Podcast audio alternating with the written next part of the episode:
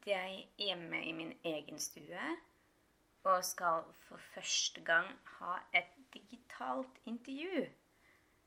Og det burde vi kanskje være vant til etter eh, pandemi og lockdown, men eh, det er første gang for denne podkasten. Og den jeg er så heldig å få prate med i dag, er Gro Dale. Og vi skal snakke om hennes bildebokforfatterskap bildebok 'Forfatterskap'. Gro Dale er jo en av våre store, store barnebokforfattere. Og hun eh, har gjennom samarbeid med sin mann eh, Svein Nyhus og deres datter eh, Kaja Dale Nyhus, eh, har de laget et rikt, rikt eh, bildebokforfatterskap. Eh, Gro Dale er også en produktiv eh, voksenforfatter. Hun har, også, hun har skrevet mange, mange eh, diktsamlinger. Men samtalen i dag skal handle primært om bildebøker.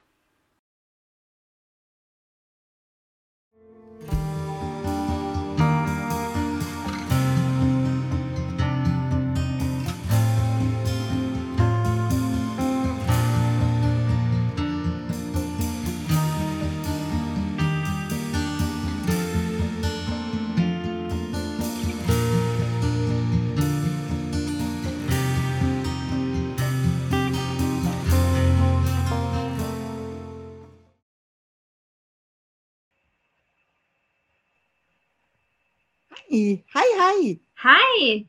Så hyggelig å se deg. Så Da skal jeg bare gå og uh, uh, trykke for det bak, bak deg. Ja, ja. Det må du bare. Skal vi se sånn.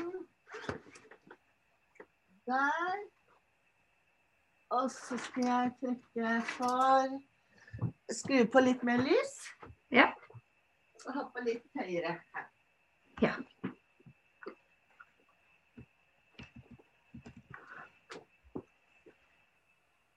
Men jeg hadde tenkt å snakke med deg om eh, å jobbe med barnelitteratur. Ja. Nå eh, skriver jo du både for voksne og barn. Eh, Ja. Men jeg tenkte å Jeg, jeg, jeg, eh, det, det jeg gjør, er jo at jeg jobber jo veldig mye innenfor det med alle alder. Ja. For jeg tenkte å spørre deg litt om, for em, man har jo laget en eh, Altså det fins jo en slags eh, forståelse av at eh, begrepet voksen og begrepet barn er litt sånn dikotomisk. Det er en forskjell mellom å være barn og voksen, som nå de siste åra har blitt satt litt på prøve, og man vender seg mer bort fra barnelitteraturbegrepet. Men sånn i forlagene og sånn, så er det jo gjeldende som en slags avdeling Ja, um, altså det med barnelitteratur, det er, det er på en måte et um, begrensa felt. Mens det med en bildebok, det er, eh, det er, det har ikke, det er et annet medium. Mm. Det er ikke litteratur. Det er, eh, det er et samarbeid mellom bilde og tekst. Det er ikke illustrert litteratur. Nei. Derfor så, så eh, eh, hører det egentlig ikke inn under barnelitteratur. Fordi det er et, et stort område i seg selv. Og som på lik linje med tegneserier, animasjonsfilm, altså teater. Eh, så, så er eh, Men, men at, at, at forlagene på en måte eh, har tatt seg av bildebøkene, da. også tegneseriene. Mm. Eh, innenfor det med barnelitteratur. Så også tegneserier for voksne eh, eh, er, er jo, og ungdom er jo også innenfor barnelitteratur, eller har vært det. Mm. Så Det, det er jo en, en sånn, litt sånn pussighet, fordi at da tenker vi ofte på bildebøker som barnebøker eller barnelitteratur, mens det trenger det ikke være i det hele tatt. Og det er heller ikke altså, illustrert litteratur, det er en visuell fortelling som møter en verbal fortelling. Og illustratøren er ikke illustratør, men en visuell forteller. Slik at det er noen begreper her som gjør at, eh, at det er lett å misforstå hva en bildebok er, da. Ja. og tro at den er mye mer begrensa aldersmessig enn det den ofte er. da. Noen er selvfølgelig begrensa, noen er eh, retta mot spesielle grupper. F.eks. ungdom, eller f.eks. voksen, eller f.eks. småbarn. Eller mellomstorbarn. Eh, jeg har jo lagd mange bildebøker jeg som bare er for voksne, og ikke for barn i det hele tatt. Og som ikke egner seg for barn, eh, og ikke er interessante for barn. Mm. F.eks. Kaffehjerter, som er for voksne. eh, Eller, eller album, eller Heat, eller Velkommen til speilet. Det er fire bildebøker jeg har som, som definitivt ikke er for barn. Mens eh, sånn som Sinnamann eller Snill, de er like mye for voksne som for barn, og for ungdom også. Så at det er jo heller ikke en, eh, eh, eh, akkurat en barnelitterær eh, eh, tekst, eller barnelitterær produksjon. produksjon. Det er på en måte en allalderproduksjon. Mm. Og Ja. da blir det jo helt rart når forlaget setter eller når man har en markedsavdeling da, som må sette aldersgruppe, tre til seks år. Ja. ja, det blir jo litt sånn eh, Det, det blir litt eh, definerende når eh, man avgrenser eh, et verk for en eh, salgsavdeling. ja, Eh, som også påvirker hvordan man leser litteraturen. Ja, men noen av bildebøkene mine er definitivt ikke for de minste. Så, som, eh, selv om de er også for barn, sånn som den Sesam Sesam som handler om porno. Mm. Eh, og at, at den da ble satt i, fra tre til seks år. som, hvor jeg hadde en aldersgrense på femte klasse oppover. Ja. Så det, det, det er jo på en måte ti år. Ti år til Jeg ville tenke Eller OK, ni år, da. Ni år til eh, tolv år. Da ville jeg tenkt aldersgruppe på den. ja. Og så hvis den står på tre til seks år, så, så blir det veldig krasj da, med mine intensjoner og, og min eh, måte å tenke eh, det, det prosjektet på. Ja, ikke sant? For da altså, Hvis man tenker på de som Den som kjøper bøker til de minste barna, er jo gjerne de voksne. Eh, Ja. Noen barn kan jo plukke ut bøker selv som de ber om å få, men eh, ofte så er det bøker som, eh, som blir kjøpt av voksne. Ja.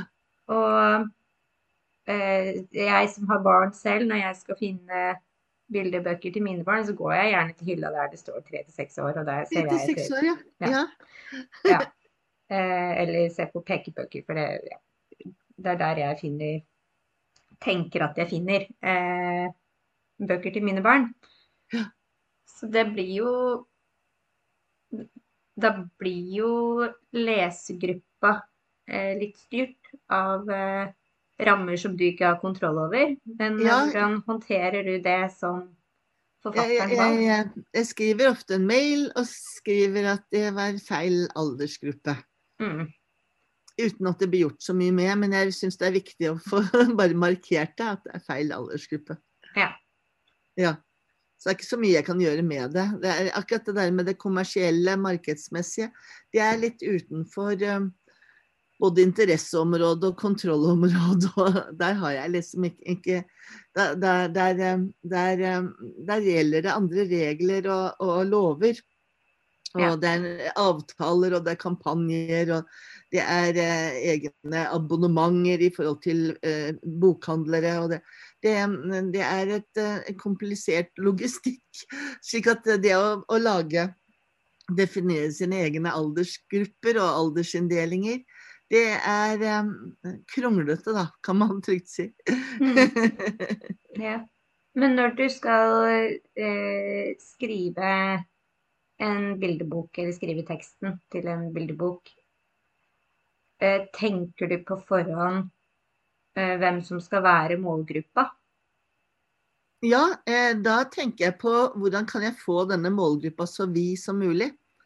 Hvordan kan jeg legge inn dimensjoner som de voksne kan få noe ut av? Hvordan kan jeg legge inn dimensjoner og nivåer og plan som eh, snakker til ungdommen? Hvordan kan jeg eh, gjøre at den også blir interessant for de minste?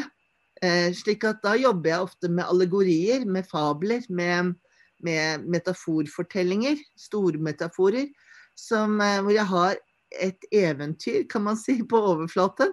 For barn leser overflate. De leser ikke dybde og undertekst. De forholder seg først og fremst til, til eh, den umiddelbare, eh, sansbare teksten. Og så, så, ligger det da under der så ligger det det psykologiske nivået og den sosiologiske nivået. Jeg prøver ofte å ha et politisk eller samfunnskritisk nivå. Jeg har ikke spesielt mye historisk nivå, men jeg har et pedagogisk nivå, et etisk nivå, et eksistensielt nivå ofte et metanivå. Slik at de nivåene, de dimensjonene, de har jeg for ungdom og for voksne. Ungdom forholder seg ikke så mye til det, til det med det eksistensielle Jo, kanskje, jo, men det er det psykologiske og etiske de forholder seg til, mens det politiske og samfunnskritiske med, og det pedagogiske er mer for, for voksne. Mm. Det, og da lager jeg jo på en måte eh, det, går på formuleringer. Jeg formulerer det slik at det kan åpne seg et, en dør til et nivå, da. Eh, eh og det psykologiske vil jo veldig naturlig være der uansett. Det, det kommer veldig fort med, med, med tanker og relasjoner og, og, og følelser og, og underliggende problemstillinger, eh, følelsesmessige problemstillinger.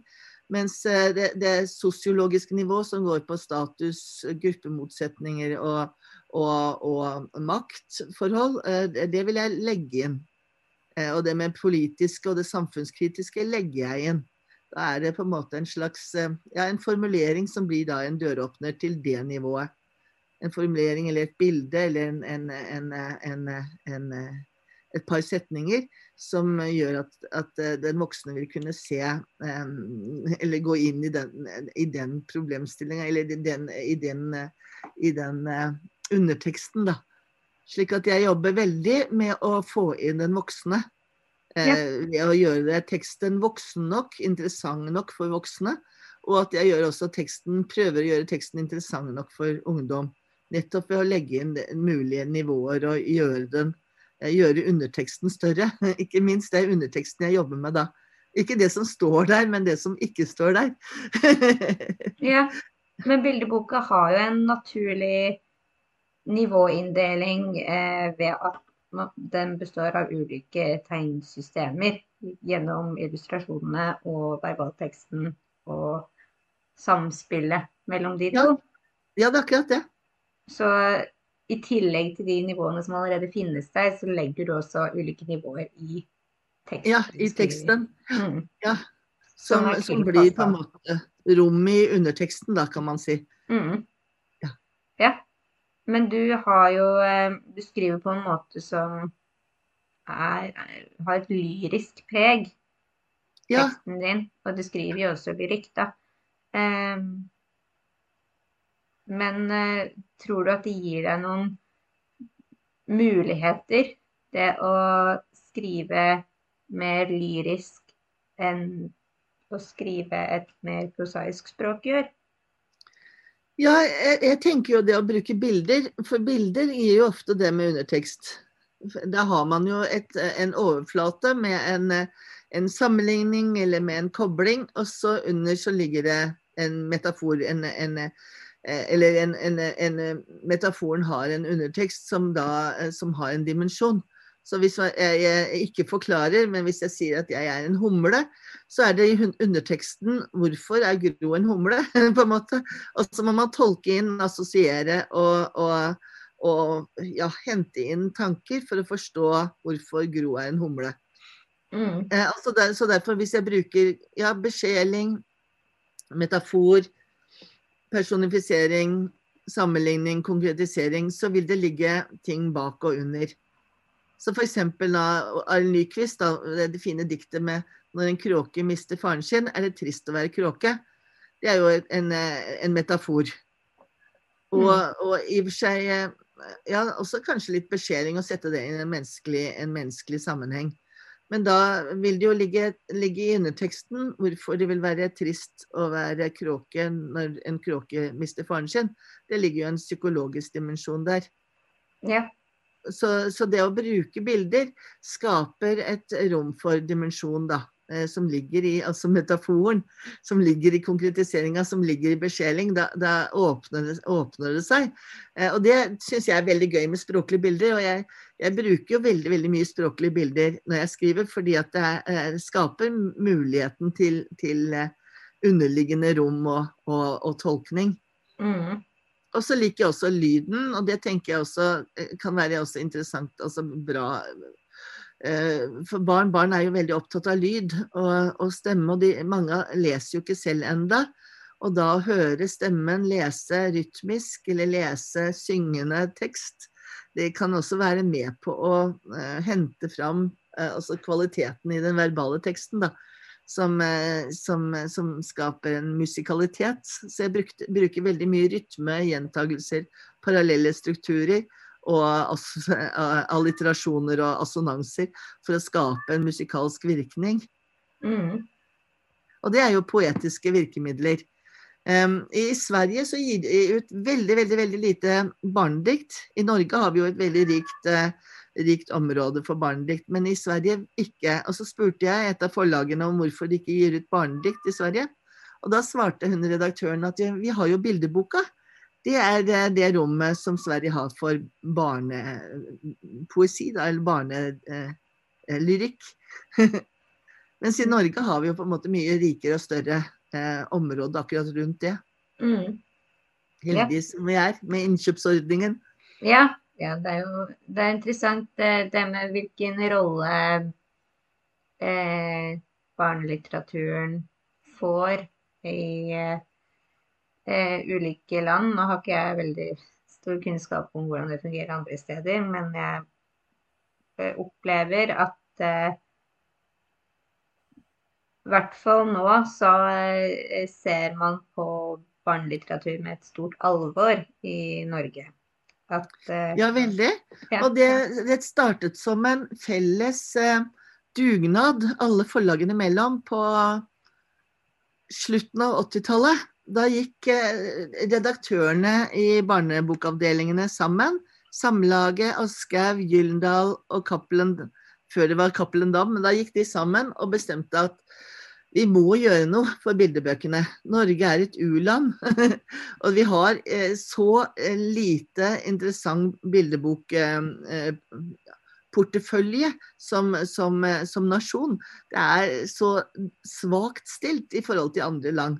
Så nå må vi gjøre noe for å få hevet standarden på bildebøker og på, på barnelitteratur generelt, men bildebøker må vi gi større rom. Og så gikk de sammen. De konkurrerte ikke, men de, de hadde felles strategi og, og, stadig møter, bildebokmøter.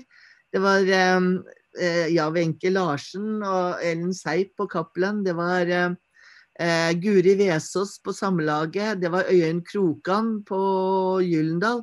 Eh, og så husker jeg ja, Tornfelt, Irinia Tornfelt eh, på Aschehoug.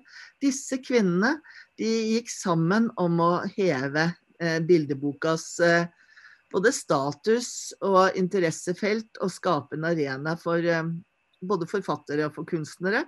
Så de inviterte dikterne, og de inviterte eh, bildekunstnere for å komme inn og være med på å, for å lage en, en, en mer interessant bildebok. Og da fikk Norge en gullalder på 90-tallet. Eh, som gikk fra på en måte å være ingenting, nesten, eh, bare banaliteter, til å bli en wow, eh, et, et wow-utgivelsesår de årene på 90-tallet. Som har holdt seg. Slik at Norge er i verdenssammenheng eh, av de mest interessante bildeboklandene som fins. Det er jo kjempegøy. Ja, absolutt. Um, og med eh, støtteordninger, sånn som eh, innkjøpsordningen eh, som Kulturrådet har, så er, så er, det både for forlag, for den visuelle fortelleren og for den verbale fortelleren, så er det, er det, er det jeg håper å si, lønnsomt å gi ut bildebøker. Det mm. er det jo i Sverige, f.eks. Da er det vel bare snakk om å få ja, kanskje 5000 kroner eh, for å, å gjøre et, et, års arbeid. Eh, det, er helt, det, er helt, ekstremt. Eh, ja. Og, og, i Norge har vi også eh, produksjonsstøtte som støtter opp forlagene. Og illustratørstøtte som, eh, som gjør at illustratøren kan ta seg lengre tid en, eh, eller den visuelle fortelleren kan ta seg lengre tid enn det, man, eh, det de kan gjøre eh, ellers. da. At de, at de, får kanskje 60 000 kroner for å ta seg lengre tid på å lage en bedre bildebok. Ja. Så I Norge har vi fantastisk, fantastisk støtteapparat rundt bildeboka. Som mm. gjør at vi da får en helt usedvanlig høyt nivå på bildebøker i Norge i, i forhold til egentlig mange andre land. da. Mm. Jeg er ja. veldig, veldig stolt av uh, bildeboklandet Norge. ja. Det er... det er, et veldig fint område å være i. Altså, det er en lekeplass da, eh, som ja. forfattere og kunstnere har fått til å, å ha, det, ha, det, gøy og meningsfullt. Det er veldig bra. Eh, jeg vil spørre deg litt om dette med å jobbe med en illustratør. For dere er jo flere som står om boka. og Eh, i, det, i bildebokmediet så er man eh, Man er jo likestilt med illustratør, vil jeg si. Og um, avhengig av hvem som leser, så vil jo noen vektlegge bildene mer enn teksten. Kanskje særlig til små barn som ikke kan lese selv. Men de kan tolke bildene. Så jeg vil spørre litt om hvordan det samarbeidet med eh, illustratør kan foregå. Jeg er veldig heldig da, som har to illustratører yeah. meg, som jeg kan skrive til. Eh, eh og tenke, tenke, hvordan de Da vet jeg hva jeg kan forvente, og jeg vet hvordan, eh, hvordan de vil eh, forholde seg visuelt eh, til, en, til, en, viss grad. Slik at det gir meg også mye mer ja eh, føles at jeg er trygg på at det blir bra. jeg er trygg på at, at, at helheten eh, kan bli fint, en fin balanse i, i, helheten, og at det, at det, kan bli en fint bilde-tekst-samarbeid. Eh, jeg, jeg, føler meg ikke like trygg hvis jeg hadde overlatt det bare til forlaget. Nei. Selv om det er veldig mange vis, fine visuelle fortellere, så, så, så er det allikevel litt eh, ja, eh, litt mer risikabelt da, eh, hvem vi ville blitt kobla til, vi som skriver. Så er det jo selvfølgelig de toneangivende visuelle fortellerne, sånn som Stian Hole og, og Øyvind Thorsæter, som er helt, helt vilt flinke. Det er så flott. Men går jeg inn i et samarbeid med dem, så vil det bli da er det, de setter veldig preg på hele prosjektet.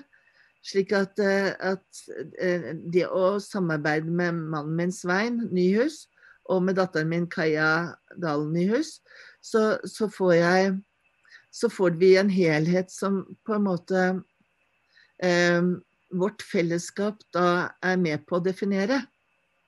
Og det syns jeg er eh, givende å tenke eh, rundt da, og, og, planlegge rundt i forhold til eh, ja, teksten, hva slags tekst jeg skal skrive for, som kan passe til Kajas tegninger, hva slags tekst jeg kan skrive som kan passe til Sveins eh, tegninger.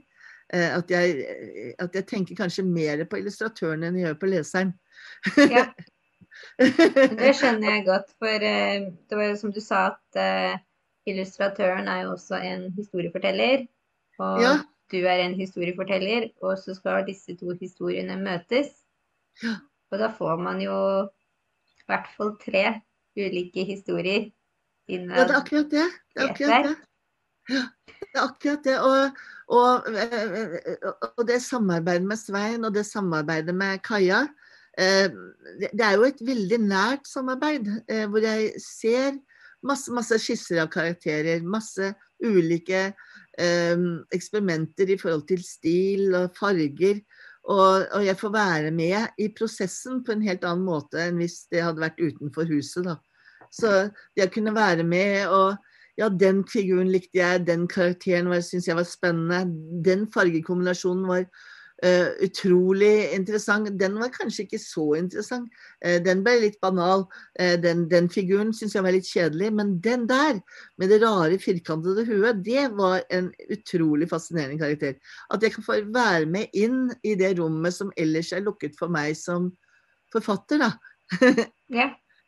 som forteller. Og i og med at altså, så, så det er en halv fortelling jeg skal lage, da trenger jeg å se for meg litt hva er det jeg ser i dette rommet som ikke teksten kan ha. Altså Teksten kan ikke si noe om hvordan karakteren ser ut. Eh, teksten kan ikke si noe om hvordan rommet er, eller hvordan verdenen er, eller hvordan, eh, eller hvordan eh, huset er, naturen er. Eh, det, de, alt det der er eh, den visuelle fortellerens ansvar. Mitt ansvar det er eh, følelsene, bildene, altså de språklige bildene, sammenligningene, tankene, stemmen. det er mitt ansvar. Ja. Og, og da, da, blir det Det er en halv fortelling. Det hadde ikke fungert uten, uh, uten bildet. Den, den, lever ikke sitt liv, et liv utenfor bildet. For den bruker bildet som forankring, eller som etablering av scenen. Så hele scenen og karakteren og uttrykket til karakteren og, og, og, og hva karakteren gjør, det, skal, det, ligger altså utenfor mitt område. Eh, og, da må jeg på en måte prøve å, øh, si, slippe tak i den delen, da, og overlate det til den visuelle fortelleren, som da er Svein eller Kaja. ja. Men når, når du skriver um, Er det sånn at du skriver ferdig manuset alene? Helt ferdig alene. Ja. Uh, men uh, selvfølgelig så blir det jo sånn som nå når Svein sitter og tegner på en bildebok som heter Ikke. Da er det jo sånn at han sier ja, men den, der, der, står det, der står det store, tunge mammaen, men hun er egentlig tynn så tar vi kanskje bort akkurat det. Altså, eh, at, at, at, et sted det er blå druer, og så er det grønne druer. Så tar vi og bytter vi altså det, For at det ikke skal bli en eh, for stor eh, At det ikke skal bli feil i forhold til teksten. Men derimot at, at det er noe annet i bildet enn i teksten, det er en fordel. Mm. Så, så, hovedgreia i bildebok det, det sier at vi skal ikke tegne banan hvis det står banan i teksten. Nei. Så skal vi tegne noe annet. Så f.eks. Den, den bildeboka 'Blekkspruten' eh, hadde Svein ansvar for den visuelle fortellingen. Og jeg hadde ansvar for teksten. Og teksten er inni hodet på hovedpersonen, en liten jente som heter Gullet.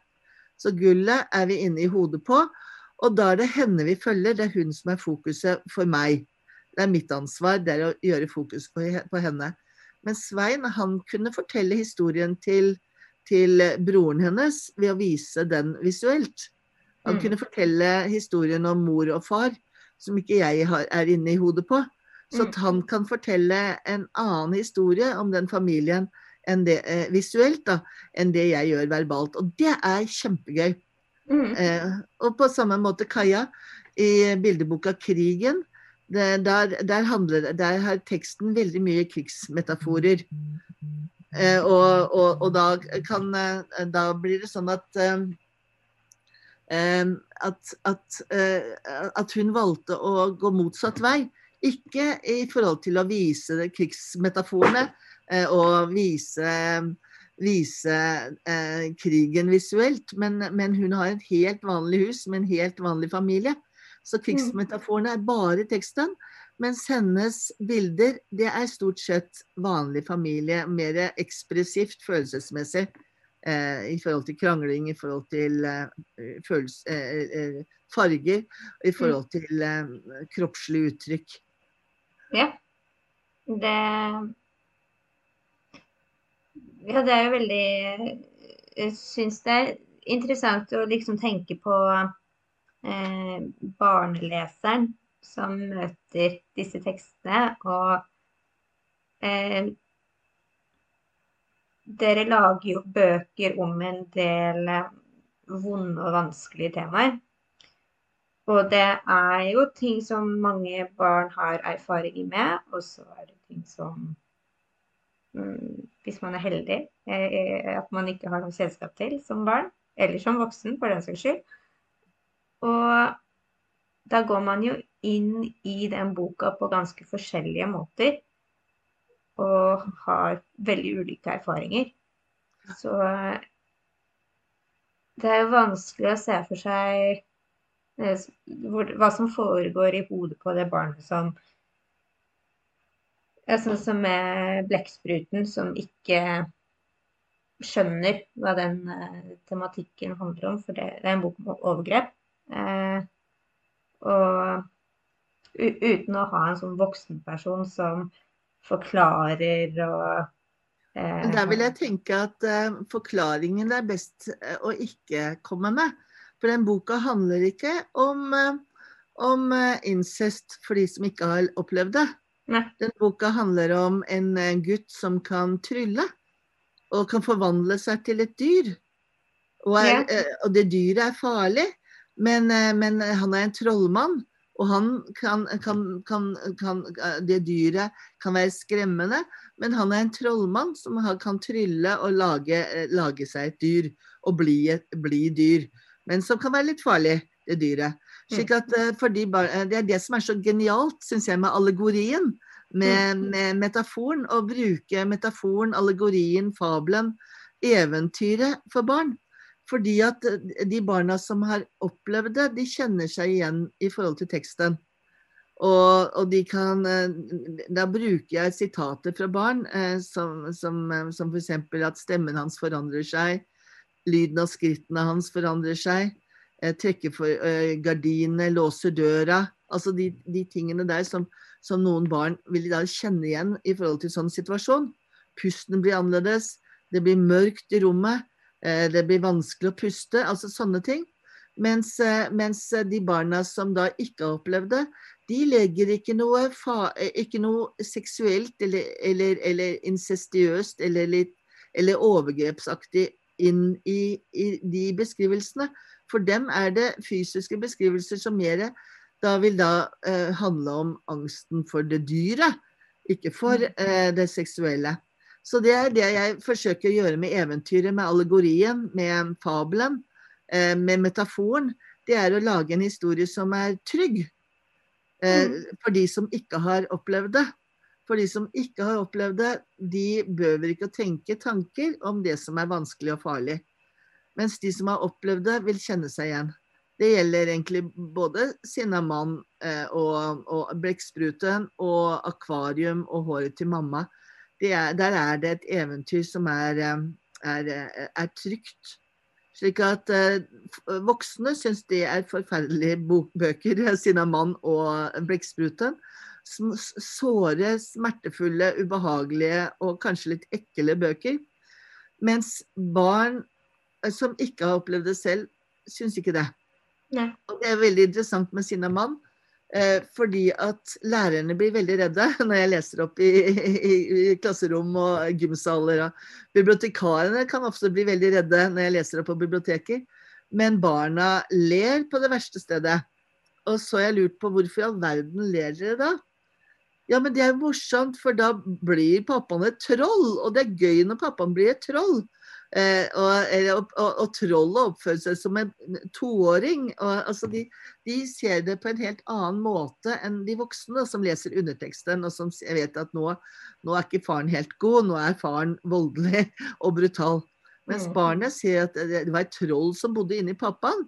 Og nå kom trollet ut, og nå må, må, alle passe på at trollet kommer tilbake igjen. Eh, og, det blir på en måte et eventyr om å fange trollet, da. Mm. Eh, og, og, og, den med blekkspruten, så blir det et eventyr om um, trolldom. Om å lage seg om fra, fra, til ulike dyr. Så den, når metaforen er trygg, da er barnet trygt. Og den voksne er, er, er, den som da, eller ungdommer også, syns, eh, syns det kan være farlig. Ja, eh, men er det, er det et mål ja. at uh, at eh, barnet, uavhengig av de erfaringene de har, skal føle seg trygg i lesinga? Ja, det er det. Det er et mål for meg. Jeg, jeg føler et stort ansvar for barneleseren. Mm. Jeg vil skremme den voksne, og så vil jeg ta vare på barnet. Ja.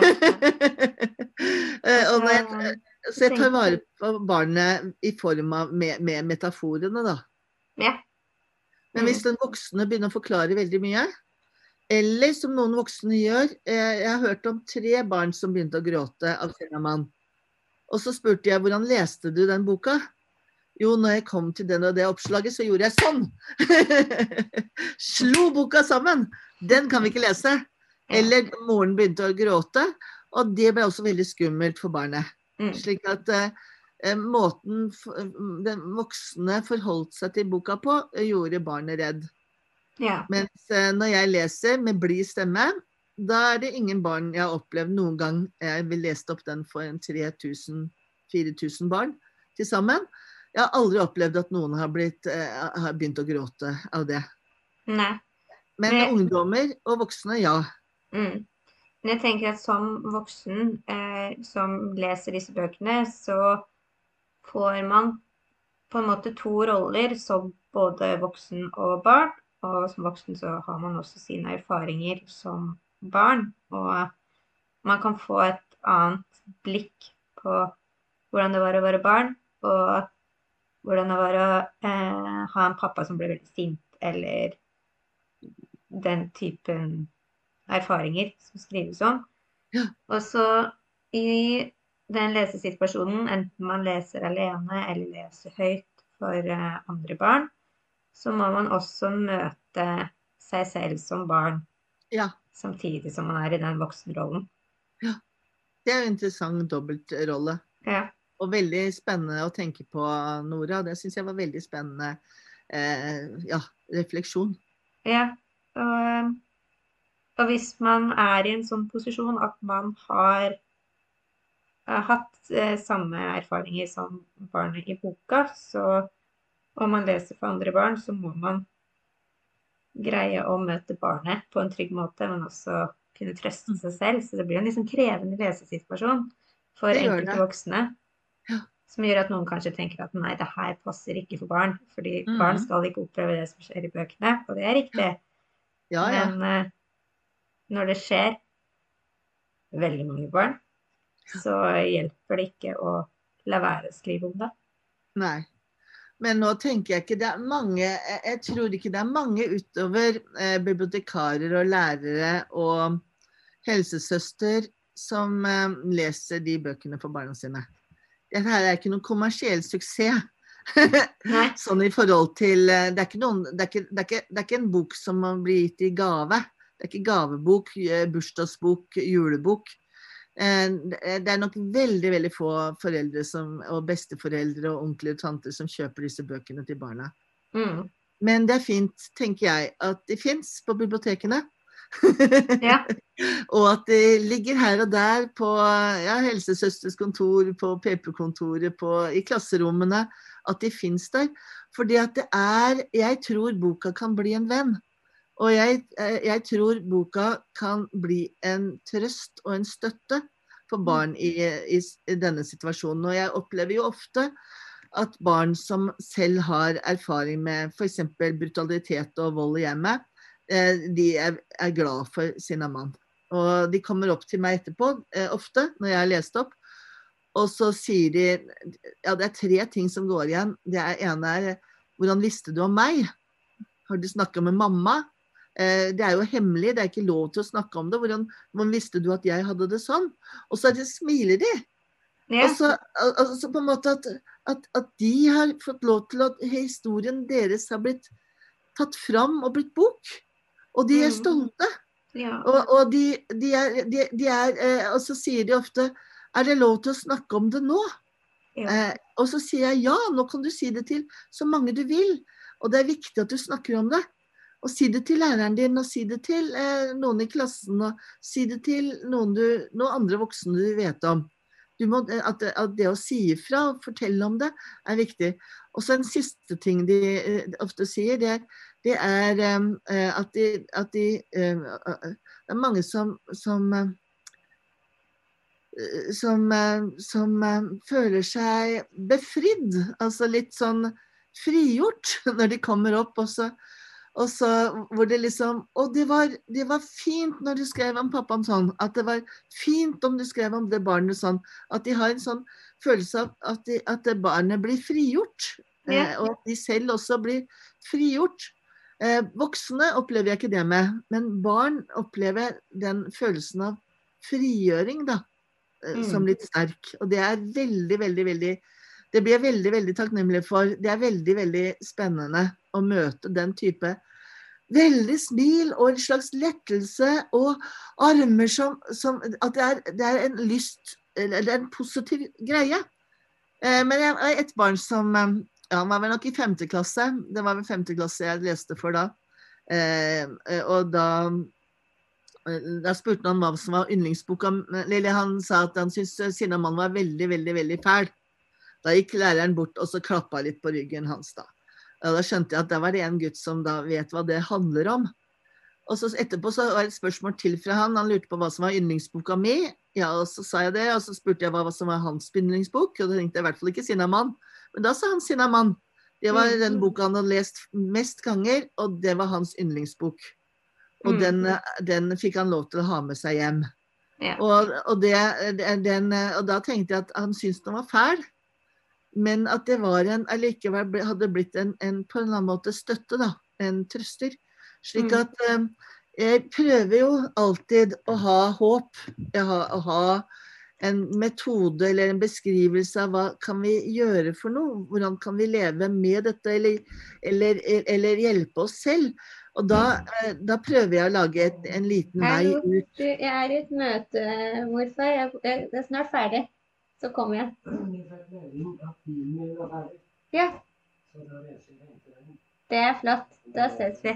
Unnskyld, det var min morfar som kom Så koselig! Ja. Så koselig med morfar. Ja. Så, men han skal hente Mor- bilen sin. Din morfar? Min morfar. Jeg er, er heldig det er oldefar, da. Oldefar Ja, han er oldefar. Han er, han er, barnet mitt er oppkalt til og med, så de heter Jo, begge to. Å, Ja. så fint. Jo Ja. er et så fint navn. Ja, positivt. Nydelig. Ja. Positivt og, og kort og enkelt og lett. Mm. Ja, det er et nydelig navn. Så hyggelig. Ja. Nei, så eh, da ble vi litt avbrutt, så jeg beklager Ja, det det. gjør ingenting. Nei. Nei, bare hyggelig. Ja. Eh, jo, jeg snakket om det med, med håpet. Mm. Eh, eh, fordi at det er mange som sier at det er altså, da, den 'Sinna mann' ble utgitt i Japan, så ville forlaget i Japan gjerne at jeg skulle forandre slutten, for det er jo ikke håp, mente de. Nei. Altså at En sinna mann kan ikke bli en trygg far. Sinna mann, eh, eller en, en mann som har slitt med vold i hjemmet, han må i fengsel eller eh, sperres ute eller miste tilgang til barna sine. Eh, I Norge har vi jo Alternativ til vold, altså en organisasjon som, som, eh, som jobber veldig mye med, med voksne som er brutale. Ungdom og voksne som er brutale og, og, og som utøver vold og, og trusler og skremsler i forhold til de i familien og i nære relasjoner. Og, det, 95% får kontroll på det. De kan bli Mhm. trygge pappaer og mammaer. Trygge ungdommer. Eh, hvis man jobber med det eh, gjennom disse metodene. Så jeg tror veldig på håpet, da. Også der hvor det er en, en pappa som slår, eller en pappa som er eller en storebror som, eh, som utøver eh, en eller annen seksuelt overgrep. Jeg tror på forandring, og jeg tror på å kunne ta grep og jobbe psykologisk som familie og med, med, med problemene, få kontroll på det. Og få et, et, et forløst forhold til det. Et, et, eh, at man kan jobbe med følelsene sine, sine egne følelser også, i forhold til vanskelige ting man har opplevd, traumer og Mm. ubehagelige ting. Så for min del så tenkte jeg at jeg, jeg ville gjerne beholde den slutten, håpet i slutten. Jeg ville ikke at pappa skulle i fengsel, men jeg ville at han skulle bli en trygg far. For det er mulig, tenker jeg. Og jeg, jeg tenker at, jeg, at alle bildebøkene mine skal slutte bra. At det er en sånn poetikk eller en sånn grunnregel jeg har eh, i, i, bildebøkene spesielt. Ja, egentlig alt jeg skriver av barnelitteratur. Også i tillegg til bildebøkene. Så vil jeg at det skal gå bra. At det skal være håp. Ja. Slik at uh, det skal være en trøst der. At, Ja. eh, at, at det skal være en støtte. Og, og han som jeg samarbeida med på Sinnamann, mann, Øyvind Aschem, som var initiativtaker eh, og nærmest bestilte Sinnamann, at han trengte en bok for voksne og barn og ungdommer som eh, sammen kunne gå inn i denne boka her. Grupper av voksne, grupper av barn, grupper av ungdommer. Eh, og han, han trengte en, en slik bok eh, som da snakket til alle aldre. Og han trengte også eh, en slik bok som sa mange av de viktige tingene i forhold til vold i hjemmet. Det er ikke din skyld, f.eks. Og du må si det til noen. Og, og, den, og, det med å komme seg på en måte ut av situasjonen, altså så, sånne ting, helt konkrete ting. Og jeg tenker jeg på en måte at, at boka kan bli en, en hjelper, da. Eh, altså den derre støtten, at boka kan være en venn. Og at han mente også at den boka burde finnes mange steder hvor barn ikke nødvendigvis måtte få den formidlet av voksne, men hvor barn selv kunne finne den og finne en venn i boka. For kanskje de barna som trenger å kunne si det ifra, ikke kanskje klarer å si ifra. Kanskje ikke klarer å fortelle det til noen.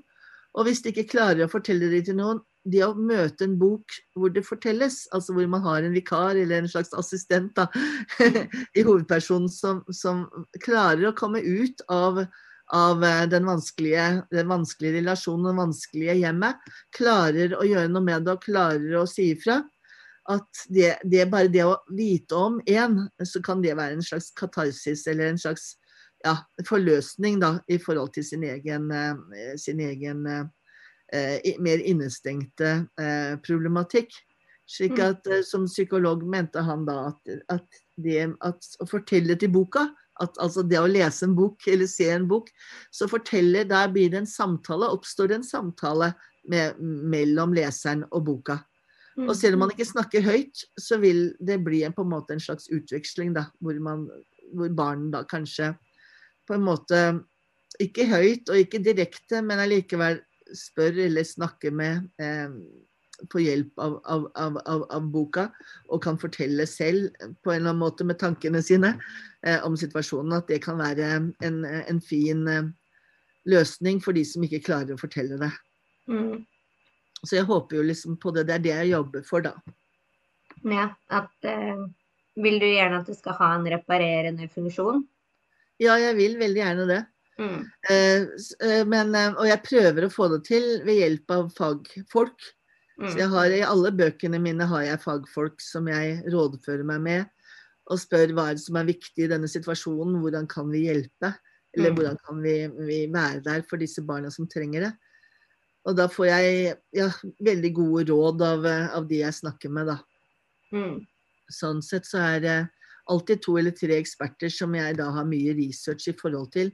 Samtale med, intervju med, spørsmål i forhold til. Mm. Det er en vanskelig balansegang som jeg av og til ikke går helt støtt. Eh, det er mellom det kunstneriske og det pedagogiske. Yeah. For eh, i og med at jeg har så veldig tydelig agenda, Eh, budskap og, og ønske om å hjelpe, ønske om å være der for disse barna, så, så, så skal boka fungere på egne premisser også. Mm. Og, og, både bildene og teksten skal være kunstnerisk interessant. I mm. tillegg til at det, har da, måte, at, det, at, det står på, at det står selvstendig også. At det ikke bare blir den pedagogiske dimensjonen, men at, det, at den kan romme mer enn bare eh, pedagogikken. da, Og budskapet. Mm. Det er fint. Det syns jeg var veldig eh, fint og konkluderende. Så jeg tenker sånn lengdemessig så er det nok fint å stoppe der, selv om jeg kan snakke om dette lenge, lenge, lenge. Men, ja, det kunne vi snakka lenge om. ja, jeg føler veldig, veldig Det er jo på en måte et ansvarsprosjekt. Det er det eneste Jeg skriver jo i veldig mange sjangere og, og, for mange ulike eh, aldre, som sagt. Og, og, og jeg, jeg, skriver jo mye for voksne, voksendikt, voksenprosa osv. Og, så og teater og opera og sånn. Men det her er politisk. Mm. Dette er mitt politiske prosjekt. Et samfunnsengasjert prosjekt. Mm. Jeg føler et stort ansvar jeg, å, å, kunne bruke språket mitt for å gjøre noe. Ja. det er fint. Jeg, jo, jeg kan tenke på det eh, selv som skrivende noen ganger, at eh, det, Jeg syns det kan oppleves eh, litt sånn meningsløst at jeg sitter hjemme og skriver litt lite viktige bøker. Men uh, Alle bøker er viktige på hver sin måte, da. Ja. Uh, men her er det jo bøker som faktisk betyr mye for mange. Så det Jeg tror de kan, kan ha betydning, ja. Um, og da kan jeg tillate meg å skrive Eller det vil si, jeg, jeg tenker bare på meg selv når jeg skriver dikt. Mm. Og når jeg skriver prosa, det skriver jeg for, for min del. Ja. At her, her skriver jeg for noen andre. Her har jeg en leser Ja. uh, som jeg tenker på, og som jeg føler ansvar for. Mm. Men det kan jo være fint å ha de to ulike rommene også. Ja, jeg, jeg, jeg syns da. hvert fall det. Mm. Ja. Det er fint, Gro. Eh, tusen takk for Ja, takk, Nora. samtalen i dag.